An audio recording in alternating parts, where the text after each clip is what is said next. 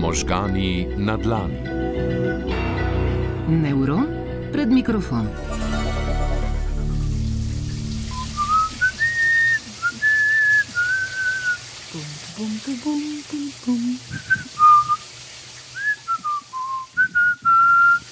Profesor dr. Zvezdan Pirtošek, dobro jutro. Dobro jutro. Pozdravljeni v možganih na dlani. Najprej vprašanje, si tudi vi kdaj kaj zapojete? Uh, moram priznati, da, ker sem bolj na slabem glasu, kar se torej glasu tiče, morda to bolj kopalnici kot pa sicer, ampak si zapojem. Ja. Ampak za naše možgane je brško ne vseeno, če mi pojemo popolno ali si zapojemo tako, da se mi dobro počutimo. Ja, pravzaprav naši možgani, naše uh, življenje, pesmi uh, zelo potrebuje, a nekako potrebujemo torej govor na eni strani, tako potrebujemo tudi, tudi to bolj emocionalno izraznost petja. Se kaj ve, zakaj pravzaprav ljudje pojemo? Veste, več je pravzaprav teorij in so zelo zanimive. Od na eni strani recimo Charlesa Darwina, ki je že v svojih, a ne v sredini 19. stoletja, trdil, da je pravzaprav namen petja predvsem pokazati, da si zelo fit, da imaš dobre torej gene, a ne se pravi tisto, kar bi rekli iskanje uspešno partnerja. Je pa na drugi strani morda neka teorija sodobnega eh, znanstvenika, neuroznanstvenika Stevena Pinkerja, ki trdi, da. Da petje, eh, glasba nimajo prav nobene evolucijske torej vrednosti, dajo nam eh, zadovoljstvo, to je pa tudi vse. In on v neki prispodobi celo govori o cheesecake, ne, o, o sirovi tortici, ki je ne potrebujemo, pa vendarle nam vzgu, vzbuja okolje. No, med, med Darwinom in eh, Trepinkerjem je pa cela serija, bom rekel, seveda težko preverljivih, vendar zanimivih, bom rekel, teorij. Recimo meni je morda zelo blizu uh, neko soočenje, morda treh. Eh, eno pravi, da v času, ko smo pred približno morda 4-5 milijoni let se začeli spuščati iz eh, drevesnih vej na tla ne, in smo začeli eh, hoditi včasih tudi v paru ali v celi skupini, je trenakrat postali zelo silno pomembno, da sem jaz zvok svojih korakov in korakov svojih sotovarišev čutil, slišal in jih ločil od vseh zvokov, ki so bili tam.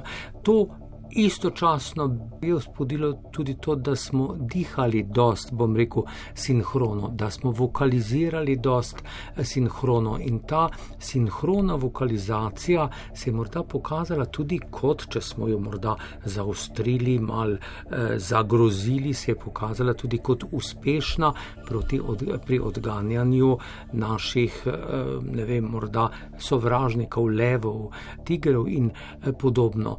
No, obenem so se pa v človekovih možganih pa začelo neko uh, razvijanje tudi to, da taka vokalizacija, ki je morda strašljiva za leva, pa meni pove, da ti, ki imaš tudi tako vokalizacijo, si tudi del mojega eh, plemena ne? in zaradi tega se morda od takrat, to pa je ena teorija, zelo močna, muziko-lingvistična se imenuje, ki trdi, da v tem momentu se pa na to te moje vokalizacije začenjajo razvijati v dve smeri.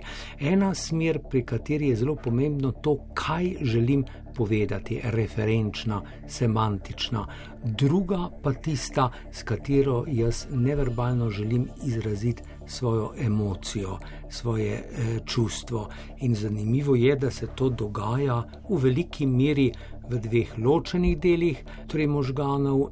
Če ste mojca desnična, se govor, semantični govor, logičen, analitičen, referenčni govor dogaja v vaši levi hemisferi, tisto čudovito emocionalno občutenje ob petju, pa v desni hemisferi.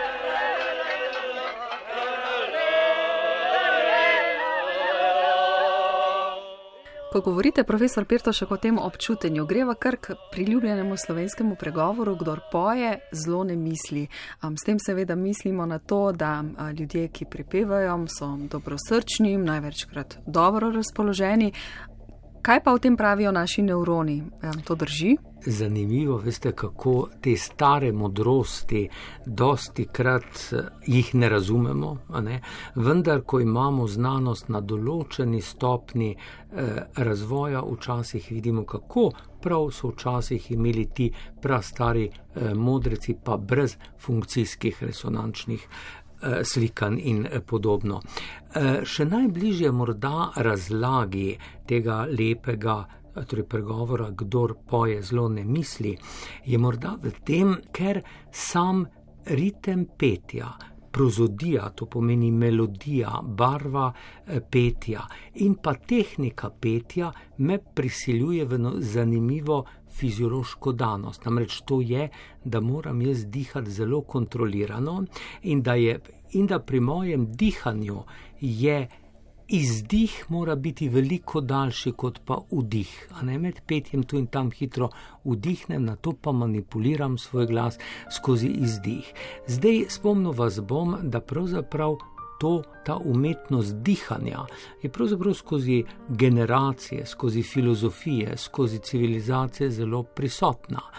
Eh, ne znanstveniki in filozofi ali jogi bi jo imenovali, ja, to je pa yoga ali pa to je pa meditacija, če pa greva v svet neuroznanosti, bova pa videla, da obstaja v človeškem telesu dvoje nasprotujočih se sil. Ena je sila ali pa aktivnost, ko sem v veliki nevarnosti, ko moram bežati pred levom. Druga je aktivnost, ko se lahko sprostim, umirim. No, in ta dihanje, predvsem podaljšan izdih, je vezan zlasti na to moje drugo stanje, se pravi, jaz sem v situaciji, ko sem lahko sproščen, ko lahko zaupam, no, in uh, fiziološko je ta situacija prevlada tako imenovanega parasimpatika ali enega pomembnega živca, ne, torej medicinci ga dobro poznajo, vagusa, potepuh se imenuje tako, ker se potepa po celotnem našem telesu in skuša pravzaprav nas spraviti v neko razpoloženje miru, zaupanja. Zanimivo je, da ta živec, vagus, ozjučuje naše srce in da ko mi počasi izdihujemo, se tudi naše srce upočasni. Da ta isti živec ožičuje naše glasilke in če bomo mi svojo prozodijo, svojo barvo, svoj ritem glasu spremenili, potem se bodo lahko ljudje počutili pomirjene. To seveda poznajo mlade mamice, ki umirajo svoje otročke. Pa še nekaj je zanimivo, da ta isti živec, vagus, potepuh, oživčuje tudi bobnič mojega ušesa. Se pravi, da v trenutku, ko jaz poslušam, veste, se vzpostavi neka povratna zveza, a ne jaz se pomirim, s tem tudi jaz govorim bolj eh, pomirjeno in podobno. Jaz mislim, ni pa dokazano, to je samo moja špekulacija, da je v osnovi tega starega pregovora, kdor poje zelo ne misli, ravno to, da želimo povedati, da petje v nas vzbuja parasimpatik. Če znanstveno rečem, eh, vagu se pravi, odpre nas v neko razpoloženje miru, sproščenosti in zaupanja so človeku. In še eno vprašanje imam, profesor dr. Zvezdan Pirtošek. Na začetku ste že omenili socialno komponento oziroma povezovalno komponento petja. Prebrala sem tudi en zanimiv članek, kako recimo petje v zboru vpliva na boljše kognitivne zmožnosti posameznika, izvršilne funkcije in tako naprej. Kako je pa petje povezano s tem našim čelnim režnjem? Ja, pa ne samo s čelnim eh, režnjem, veste, petje, pa glasba nasplošno, morda petje tem bolj, veste, ker ima to dodatno človeško noto, eh, bližino. Ne.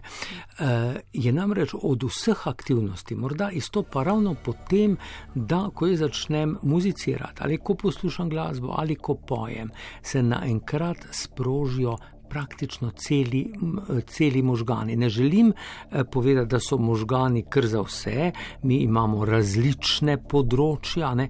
vendar naenkrat pride skozi moje uho en, bom rekel, angelski zvok ali angelska eh, melodija. In v tem trenutku, veste, ko doseže tisti center, da jaz to zaznam, se naenkrat kot neki valovi razširijo po možganih paralelno.